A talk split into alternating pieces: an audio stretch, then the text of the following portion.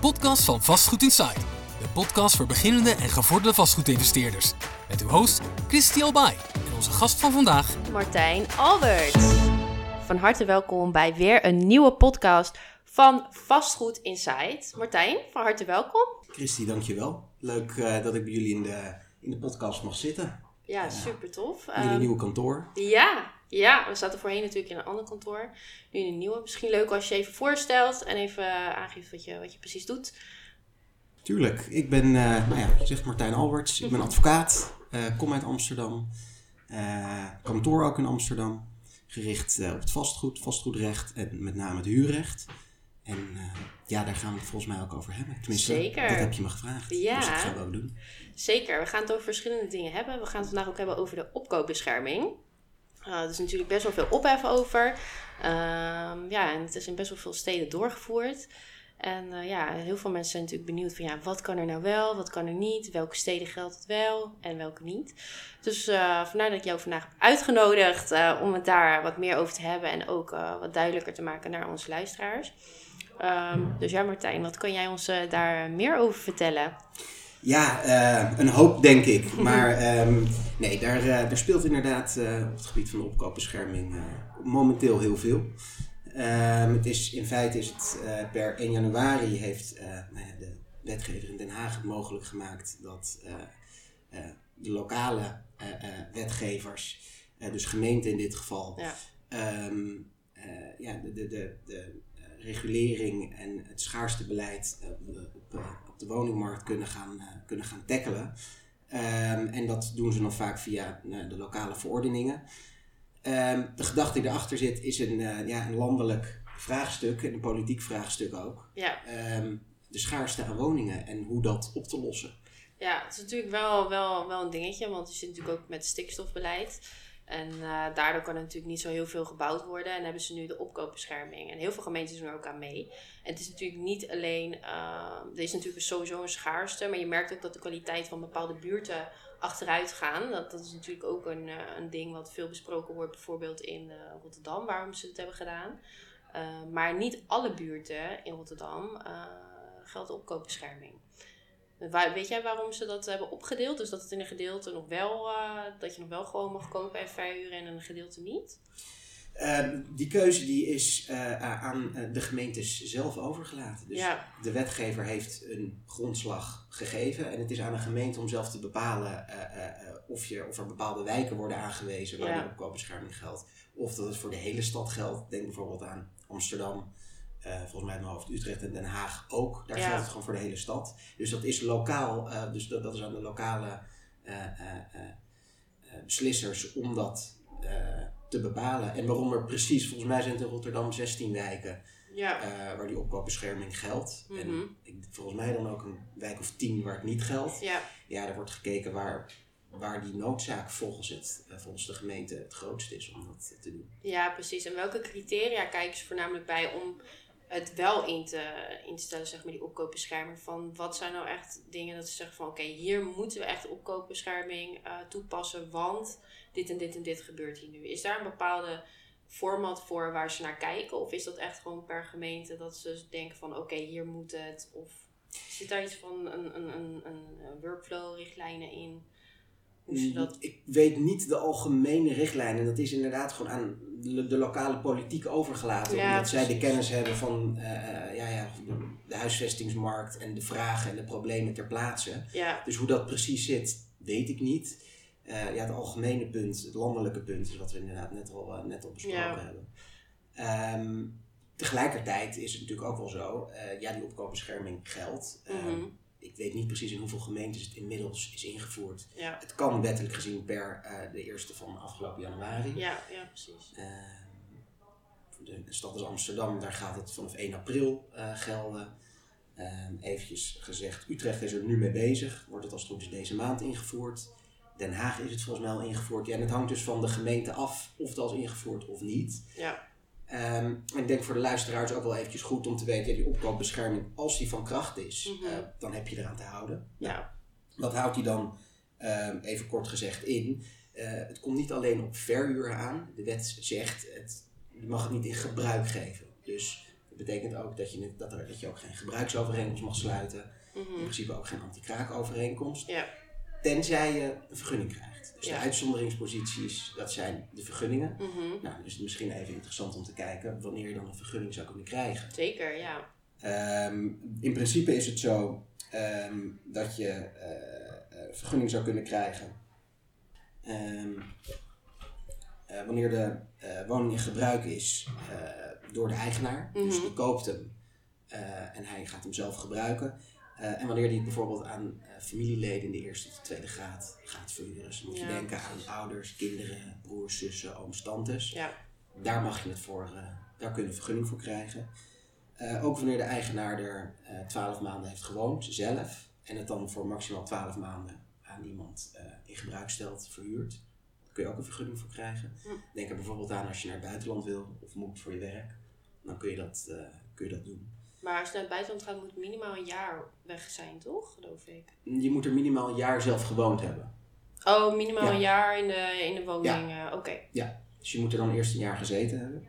Ehm, eh, en ehm, de, eh, de andere optie is ook, ehm, nou ja, wanneer je woning deel uitmaakt van bijvoorbeeld een bedrijfspand, dan kun je er ook een vergunning voor krijgen. Komt steeds minder voor, zie je steeds minder Ja. vaak. Eh, maar dat, is, eh, dat zijn de, Een bedrijfspand. Dus geldt dat ook als je bijvoorbeeld een winkel hebt. Dus dat je commercieel vastgoed combineert met residentieel. En daar dan een appartement boven. Als je dat koopt als één object, mag je dan gewoon ook het appartement verhuren. Dan zou, het, eh, dan moet, zou je even specifiek moeten kijken hoe de, hoe de, hoe de verhouding is. Mhm. Maar als de woning echt deel uitmaakt van eh, bijvoorbeeld het kantoor of de winkel eh, of de bedrijfsruimte, dan is er in principe een vergunning eh, mogelijk. Mhm. Er zijn sommige gemeentes, dit geldt in eigenlijk alle gemeentes waar het nu eh, van kracht is of waar het Ja. van- kracht gaat worden. Ehm, sommige gemeentes hebben nog wat meer uitgebouwd. Rotterdam bijvoorbeeld eh, Mhm. heeft ook gezegd, ja, voor, voor woningbouwcorporaties, Mhm. voor eh, marktpartijen die door de gemeente zijn aangewezen, Ja. die kunnen ook vergunningen krijgen. Ehm, dus het is heel erg goed. Het is denk ik ook meteen een heel belangrijk iets om, ik denk voor de luisteraars en voor de beleggers en investeerders, om te beseffen, nog meer dan dat het eigenlijk altijd al was, goed op de hoogte zijn van de lokale regelgeving. Ja, Ehm, weet wat de regelgeving eh, eh, lokaal is omtrent eh, de opkoopbescherming. ja, Ehm, en dat kan ook wijzigen. Dus per Zeker. gemeente. Eh, kijk je bijvoorbeeld naar een stad als Amsterdam, ehm, waar het dus vanaf 1 april gaat, eh, gaat gelden. Dan geldt het voor goedkope en eh, eh, eh, middeldure woningen.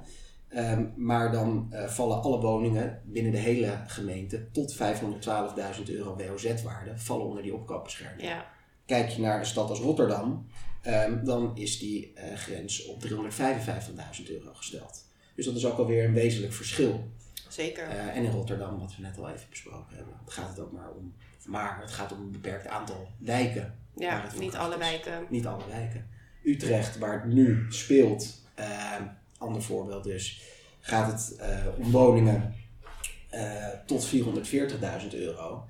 Tegelijkertijd is daar geopperd door de gemeenteraad van ja, kunnen we dan misschien niet iets met eh, eh, woningdelen, kunnen we dat niet iets meer gaan versoepelen? Ja, Dus bijvoorbeeld né, dat drie mensen op een makkelijkere manier met een vergunning samen kunnen wonen. ja, Dat kan ook wel weer een interessant inzicht geven. zeker, zeker. Dus zo is het denk ik heel erg belangrijk, nog belangrijker dan dat het altijd was, om echt die, die lokale eh, wet en regelgeving Zeker.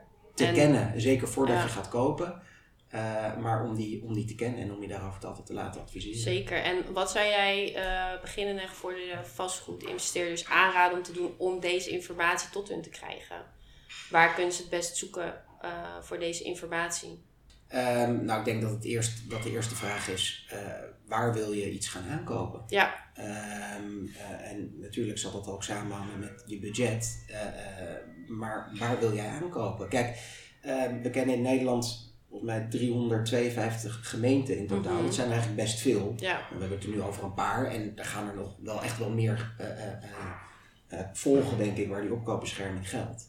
Maar er zullen er ook een hele hoop zijn waar het niet geldt. Waar die Mhm. druk op die woningmarkt veel lager is, is de kans aanwezig dat die opkoopbescherming überhaupt niet geldt. Dus richt je pijlen ook op de wat minder direct randstedelijke gebieden. En kijk, kijk wat daar mogelijk is. Eh, Ja. En zeker op het moment, het gaat ook eigenlijk altijd om het moment van transport, dus de leverdatum. Wanneer krijg je de onroerende zaak geleverd? zeker. naam gesteld. Ja, is er op die datum wel of geen opkoopbescherming? En als het er nog niet is, zoals het nu ook in bepaalde gemeentes nog is, ja, dan mag je ook gewoon nog vrij Ja. aankopen. Mag je doen wat je wil. Dan mag je nog doen wat je wil. ja, wij hadden het laatst in Den Haag. eh, voor een één op één coaching hebben wij een woning aangekocht eh, in Den Haag. En voor 1 maart laten passeren. Want 1 maart eh, was, is natuurlijk de opkoopbescherming van kracht. Ja, Dus eh, moesten we ook best wel snel schakelen nog. Eh, om dat op tijd te laten leven met spoed in te schrijven in het register. Want daar gaat het eigenlijk om. Ja, Hè? Het ja. moet wel op tijd in het register staan. Dus stel je gaat wel op tijd... ehm, dat, dat je zeg maar de overeenkomst tekent, dat je naar de notaris bent geweest. Maar ja, hij moet natuurlijk ook nog ingeschreven worden. Mhm. En als dat te laat gebeurt, stel je bent één dag te laat, dan geldt gewoon opkoopbescherming. Ja, dan ook al ben je al bij de notaris geweest. zeker. Dus dat is ook altijd wel goed om te weten. Dus eh, ik had in het koopcontract ook gezet met spoed. Ja. dat het op tijd er, er stond. En eh, dat ze geen gezeur achteraf hebben. Ja. Dat is ook wel een puntje om over na te denken. Want heel veel mensen beseffen niet dat dat echt heel belangrijk is. En denken, oh, ik ben bij de notaris geweest. En eh, het komt nu goed. Mhm. Nee, je moet er nog even over nadenken dat hij wel op tijd in het register staat. Ja, Dat is ook wel een puntje. de datum en het tijdstip dat die is ingeschreven, dat is eh, officieel, de toch? officiële. Ja. Ja. zeker. Dus ja, eh, er, speelt, eh, er speelt veel, maar ik, eh, ik, zou, ik, zou, ik zou dat meegeven. Wees goed op de hoogte van wat er speelt en, en lees je ook in. Laat je adviseren door partijen die daar, eh, die daar verstand van hebben, voor zover je Ja, eh, dat niet zelf eh, eh, wil doen of kan doen. Ehm, want het luistert nog nauwer dan dat het in het verleden al was. Hè. Dat was natuurlijk al, in principe is het altijd handig om te weten wat de lokale Zeker. regelgeving is. ik denk dat het goed is om Maar- altijd een soort van basiskennis te hebben. Ja, Dus dat je in ieder geval weet van oké, dit is er gaande. En dat je dan nog een specialist inschakelt. eh, die nog even de fijne details uitlegt eh, van de case of eh, van het gebied wat er, geld, wat er geldt. Want als je gewoon iemand eh, spreekt die er dagelijks mee bezig is, dan kan je er wel van uitgaan dat als je dan je eigen informatie die je hebt bij elkaar hebt gesprokkeld combineert met dat, dat je dan Hmm. wel goed zit. ja, Vaak. Of even de gemeente bellen zelfs. Zeker, dat kan ook helpen. checken. ja. Altijd ook wel uitkijken hoor. Want niet iedereen eh, die je aan de lijn krijgt bij een betreffende gemeente weet er iets van. Dat is waar. Eh, eh, of je krijgt verkeerde informatie. Maar in ieder geval jezelf op een goede manier laten informeren. Wat ook een belangrijke is, ja, het draait dus altijd om die WOS-waarde, die Ja. WOZ-waarde. Ja, Eh, zit die net iets boven die WLZ-waarde, dan zit je ook safe. ja, Ehm, dus daar waar in het verleden, en nog steeds wel af, natuurlijk afhankelijk van je drive en je motieven, het, Ja. het relevant kan zijn om die WOZ-waarde, WOZ-waarde naar beneden te krijgen. Ja, heb je nu eventueel baat om die WOZ-waarde er net iets, net iets boven die grens te krijgen? Maar ik heb dus eh, gehoord eh, bij investeerders dat die WOZ-waarde dus echt heel erg omhoog is gegaan. Dus dat die van dit jaar, ik, ik hoorde iemand eh, die zei tegen mij, ja, het is bijna verdubbeld bij sommige woningen. Dat, dat zou goed kunnen. Ja, het wordt volgens mij altijd, ik ben geen Maar dit is nu wel heel veel hoor, op dit moment. Maar dat, waar, eh, waar ligt dat aan? Aan misschien belasting? Want je Eh, betaalt natuurlijk belastingen over je WOZ-waarde. Ja, die precies. Nou, nou ja, die, die WOZ-waarde die wordt gebaseerd op, eh, volgens mij, eh, op basis van de transacties, van de, van de prijzen van de woningen, van de vergelijkbare woningen in de omgeving. Dus als die allemaal afgelopen jaar, wat natuurlijk gebeurt eh, Ja. in, eh, in, in vastgoedland, voor enorm hoge prijzen eh, verkocht zijn, ja, dan stijgt de WOZ-waarde ook mee. Dus daar zal wat mee te maken hebben. Ja, Dus eigenaren zijn er vaak niet blij mee, naarmate die WOZ-waarde omhoog gaat nee, zeker omdat, niet. natuurlijk, omdat je meer belasting moet betalen. Tegelijkertijd kan dus nu net iets, een net iets hogere WOZ-waarde maken dat je eh, eh, vergunningvrij eh, zonder opkoopbescherming een object kan aankopen en verhuren. Dus Zeker. Maar het is ook wel fijn als je WOZ omhoog gaat voor je puntentelling. Dat is ook vaak wel een factor die mee, meegerekend wordt. Alleen ik begreep dat je nu maar tot 25 of 20 procent mee mag rekenen van je WOZ. Dat is een goede. Ik weet dat er inderdaad iets in gewijzigd is. Wat er precies in gewijzigd is, welk percentage weet ik niet. Zou ik dus, nou, eh, dus tussen de 20 en 30 eh, was het geloof ik. Dus Ja. eerst mocht je een groot deel meenemen van je WOZ. mhm. En nu is dat verkleind, omdat sommige woningen een hele hoge WOZ hebben. Ja, dan kom je al uit de punten wat betreft je WOZ-waarde. Ja. In Amsterdam zie je dat heel vaak. Ja. Dus dat je hele kleine woningen hebt, bijvoorbeeld van 20, 30 vierkante meter. Maar die WOZ is zo hoog dat je direct uit de punten komt. Ja, Dus ja, ja daar is inderdaad wel- wat, eh, wat op gebeurd. Ja, en een goede om dus, eh, om dus in de gaten te houden. zeker. En wat, wat denk je dat de markt nu gaat doen? Kijk, de opkoopbescherming geldt voor vier jaar. Hadden we het net eventjes eh, kort over. Het is per gemeente ook weer anders volgens mij. Of is het voor over heel Nederland hetzelfde? Die tijdsduur voor hoe lang ze het nu hebben ingezet? In principe is de, de formele wet, die ze in Den Haag hebben gewijzigd per 1 Ja. januari, die is tijdelijk voor de duur van vier jaar. Ja, Ehm, eh, ik verwacht wel, gelet op het enorme probleem in Nederland op de, wonen, hè, op Ja. de woningmarkt, dat het wel verlengd zal worden. Het zou me niet verbazen Ja, dat ze het gaan verlengen. Eh, ik denk ook niet dat dat probleem eh, met vier jaar is opgelost. Dat, Nee. eh, dus ik, ik verwacht wel dus dat daar een verlenging aan zal komen. Ja. Ja. Dus dat ze die opkoopbescherming door gaan voeren. En denk je ook dat ze het misschien gaan verplichten voor bepaalde gemeentes? Denk je dat ze, dat ze zoiets eh, zouden gaan doen? Want kijk, mensen moeten natuurlijk wel ook ergens wonen. En niet iedereen is in Mhm. staat natuurlijk om een woning te kopen. En vooral nu met alle stijgende prijzen zal het misschien alleen maar moeilijker worden... eh, voor mensen om iets te kunnen kopen. Dus die willen dan misschien liever huren. Mhm. Nou ja, nu wordt het dan moeilijker gemaakt om überhaupt eh, voor investeerders een woning aan te kopen en te gaan verhuren. Dus Ja. huurwoningen zullen waarschijnlijk wel iets minder worden. Ehm, ja, hoe denk jij dat, dat dat zich dan zou gaan ontwikkelen? Wat voor keuzes zouden, de, zouden ze gaan maken om, om dit probleem, wat, er- wat er dan kan gaan komen, hoe gaan ze, gaan ze dat tegen? Ja, ik denk die opkoopbescherming is, eh, is eigenlijk een, een, een, een puntje uit, eh, uit, een hele, uit een hele grote taart. Ja. Een politieke punt uit een hele grote taart. En die hele grote, eh, grote taart is het woningprobleem in Nederland. Ja, Ehm, misschien dat het, op, dat het incidenteel bijdraagt. Mhm. ehm, en lokaal kan bijdragen, tenminste. Bijdragen, ik bedoel, ja, het is niet mijn wet. De Mhm. wetgever heeft dit bedacht. Ehm, er zal, het, het, het zal een remmende functie hebben mhm. ongetwijfeld. Maar wat dit in het totaal gaat doen, ik denk dat het nou, nog wel te betwijfelen eh, wat hier de totale impact van, van gaat zijn. Ehm, wat mij betreft moet er, eh, zou er, maar goed, dat is ook gewoon een- mijn persoonlijk idee, is, er moet er gewoon ook echt meer bijgebouwd worden ja in. Nederland. Eh, stikstofprobleem wat je aangeeft, is absoluut, dat staat eraan in de weg. Mhm. Maar dat moet gebeuren. Ehm, want alleen met deze maatregel ga je dat als eh, politiek Nederland voor de samenleving niet, eh, Nee. niet kunnen regelen. Echt niet. Nee, het wordt een heel lastig verhaal. En dan denk ik zelf dus ook. Dus ik ben wel heel benieuwd hoe het dan over vier jaar dan er, eruit ziet. En wat voor acties ze dan gaan ondernemen. Want pas over vier jaar kunnen we echt zien van heeft het gewerkt? Eh, zijn er eventueel nieuwe problemen ontstaan? Of zijn er juist weer dingen opgelost? Dat vraag ik mezelf dus heel erg af. Want ik merk bij de investeerderskant dat mensen denken of dachten dat de huurwoningen wel eh, de prijs omhoog zouden gaan. Of dat je als investeerder makkelijk een verhuurde woning kan verkopen voor een hoge prijs binnen een gebied waar de opkoopbescherming geldt. Ja. Maar ja, dat is natuurlijk helemaal niet zo. Want als jij als investeerder een woning voor te veel aankoopt, heb je heel weinig rendement. Dus dat is dan weer Ja, niet interessant. Dus Ja. mensen verwachten vaak heel veel. ehm, maar ja, je moet natuurlijk wel nog een bepaalde waarde blijven leveren. Dus dat is dan ook weer dat ik heel erg benieuwd ben van ja, hoe gaat het dan verder met investeerders over een Mhm. paar jaar met die opkoopbescherming? Hoe, gaat dat, hoe gaan die rendementen eruit zien? Mhm. Blijft dat een beetje hetzelfde of wordt het lager? Dus dat is ook wel interessant om eh, naar te kijken over vier jaar. Je moet vol, over vier jaar nog een keer een podcast doen en dan even kijken van... We Eh, het voor die tijd nog een keer doen. Ja, sowieso. maar dan even over dit onderwerp. Ja, nee, van, zeker. Oké, waar staan we Zeker. nu? En wat is er gebeurd? Daar ben ik wel echt benieuwd naar. Ik ook. Want eh, ja, dat, dat zie je nu. Ga je die verschillen natuurlijk niet merken. Ehm, nee, nu, op- nu op de korte termijn nog niet. En we gaan dan eh, we gaan dat bekijken. Is het misschien leuk om nog eventjes eh, kort aan te stippen wat er nou kan gebeuren wanneer je een woning die onder die opkoopbescherming valt, toch Zeker, verhuurt? ja.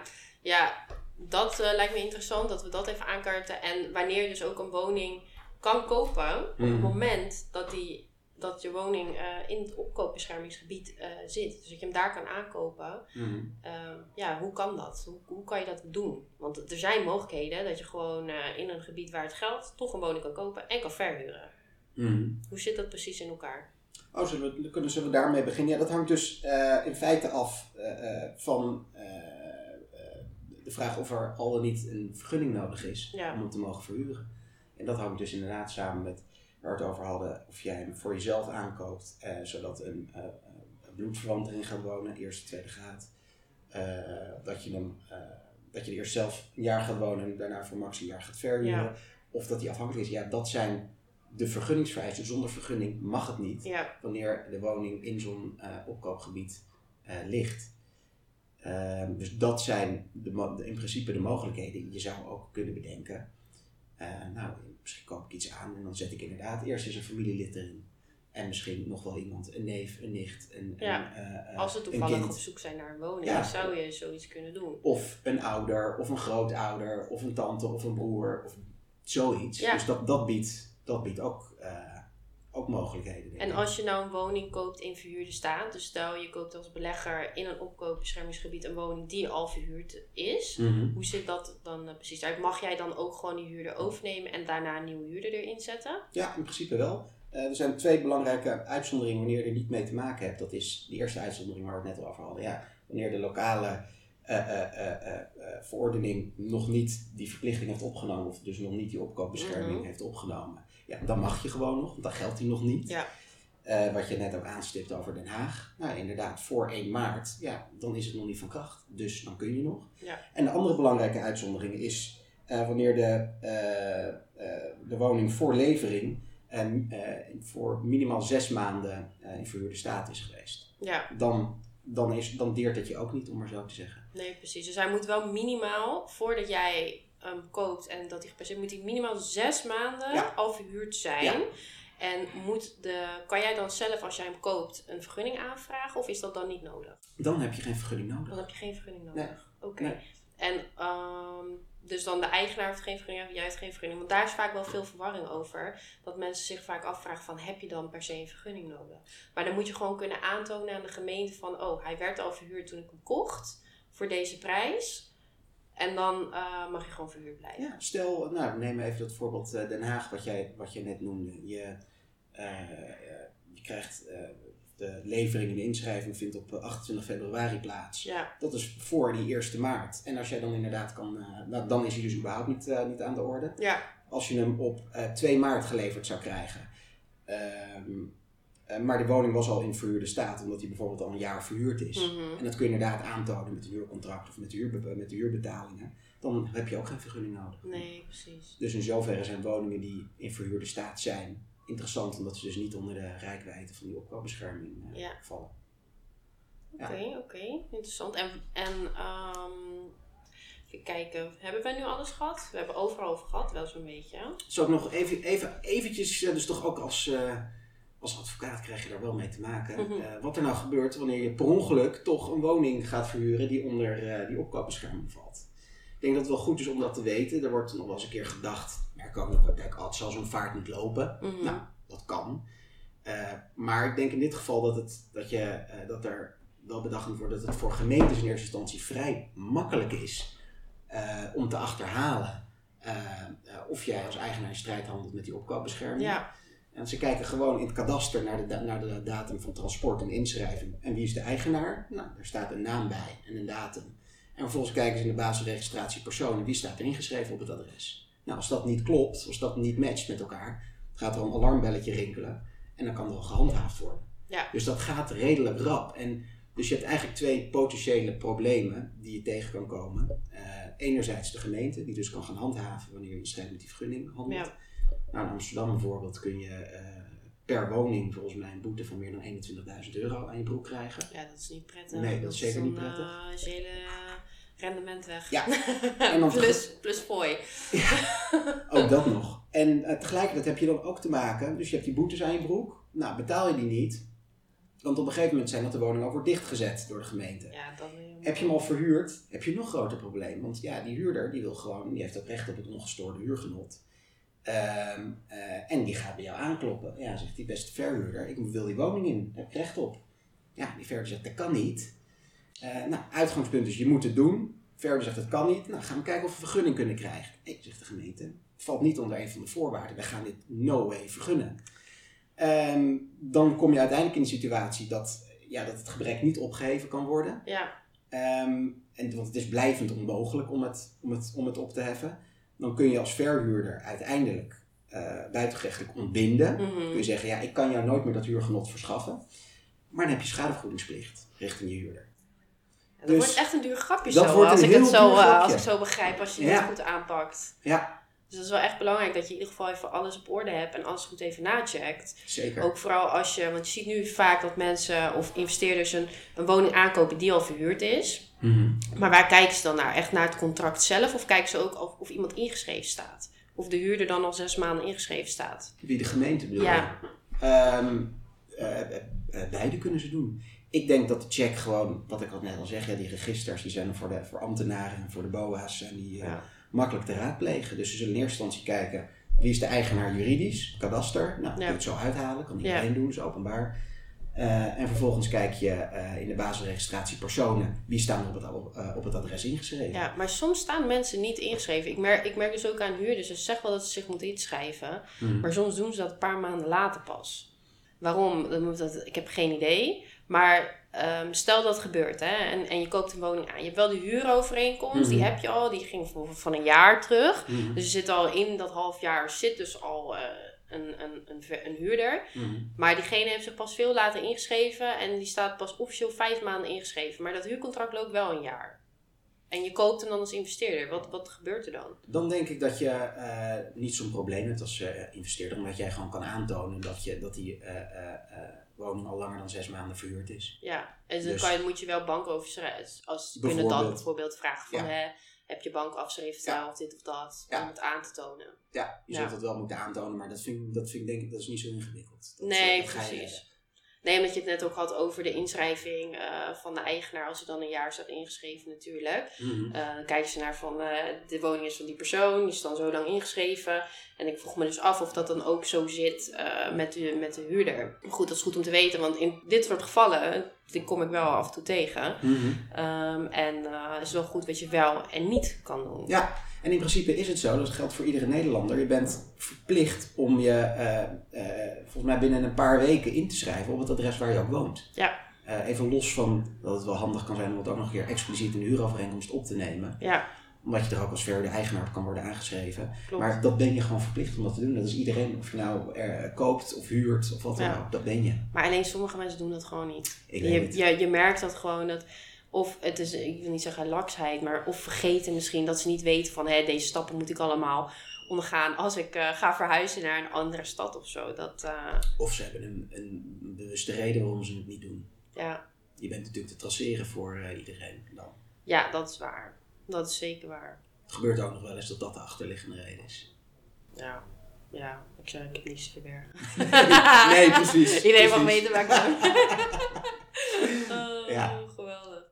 Nee, ja, ik, eh, ik ben ook benieuwd hoe dit zich verder gaat uitspelen. Maar het is wel leuk om nog even wat persoonlijke vragen te stellen. Tuurlijk. Die wij natuurlijk hebben opgesteld. En het is ook misschien wel leuk om te weten dat, eh, dat Martijn wel echt een partner van ons is. En dat wij eh, eigenlijk voor al het juridisch advies altijd Martijn aan de lijn hebben. En die altijd onze klanten helpt, ondersteunt bij alle moeilijke zaken, juridische zaken. Dus ook voornamelijk bij het stukje verhuur. Als huurders eh, niet helemaal willen meewerken, dan weet Martijn altijd precies wat we moeten doen. En eh, ondernemen we meteen actie. Dat is ook wel goed om te weten. Maar ik ga eerst even wat persoonlijke vragen eh, stellen. Als allereerst wil ik eh, beginnen met je job. Want je bent natuurlijk advocaat. En eh, ja, wat vind jij het leukste aan jouw job? Waarom heb je jouw job gekozen? Dat is een goede vraag. Ehm, Mhm. Dat is een hele goede vraag. Ehm, wat ik het leukst vind is het nadenken en het begeleiden van een cliënt bij een probleem of om te adviseren bij een nog niet aanwezig probleem. Ja. Het liefst ben je er natuurlijk bij voordat het probleem zich aandoet. Ja. Dat is niet altijd zo. Eh, en om dan zo efficiënt mogelijk eh, eh, te begeleiden en te, en, te, en, te, en te acteren. En ehm, geen enkele dag is wat dat betreft hetzelfde. En geen enkel Oké. dossier en geen enkele cliënt, geen enkele zaak is hetzelfde. Mhm. En dat is denk ik wel het leukste eraan. Ja, lijkt me ook wel. Want je bent als advocaat wel echt een problem solver. Ja. Dus je, je lost echt andermans problemen eigenlijk altijd op. Ja. Continu. Continu. Dat is in feite wat je doet.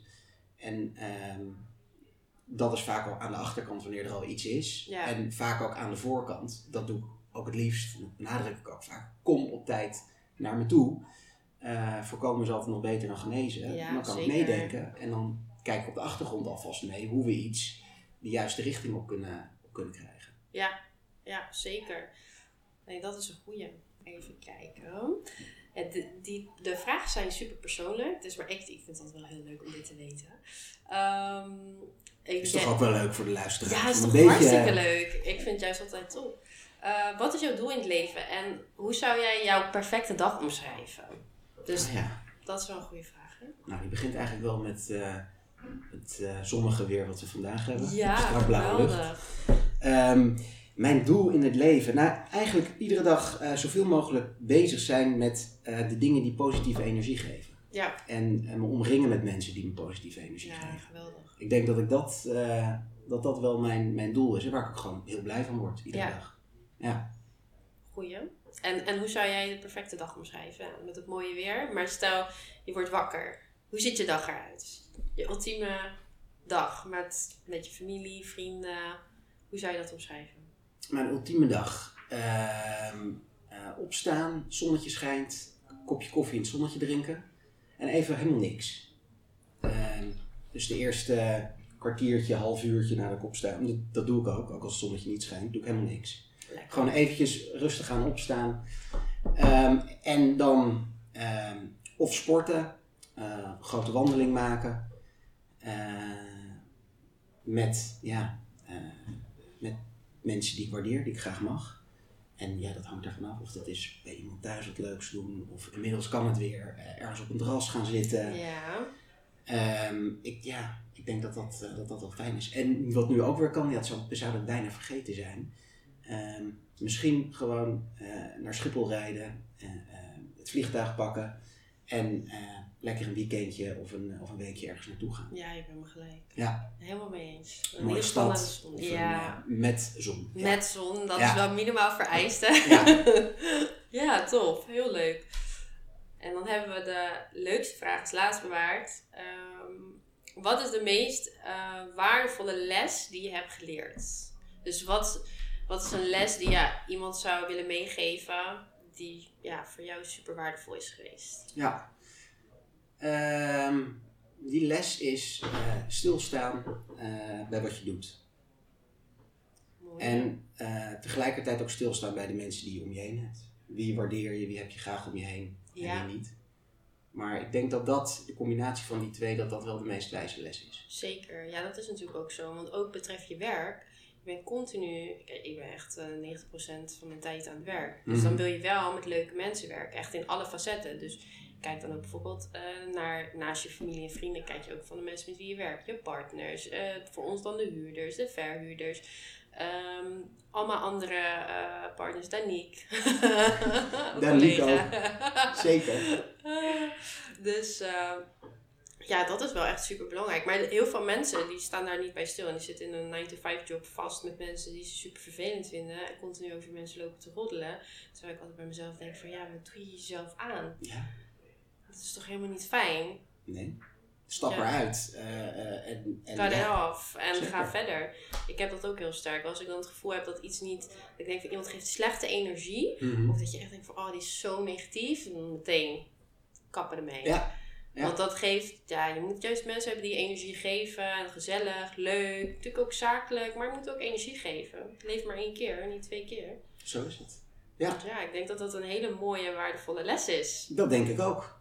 Dat denk ik ook.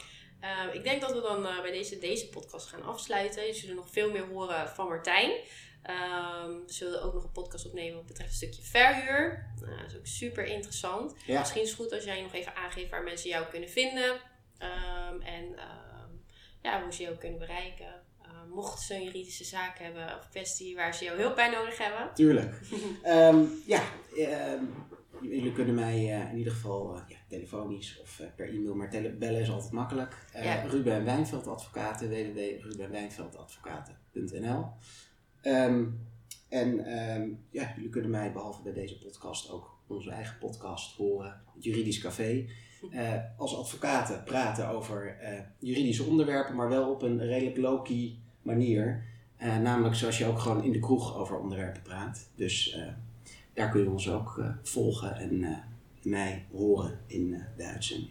Ja, dat is superleuk. Nogmaals hartelijk, hartelijk bedankt uh, voor het luisteren van uh, de podcast van uh, Vastgoed Insight.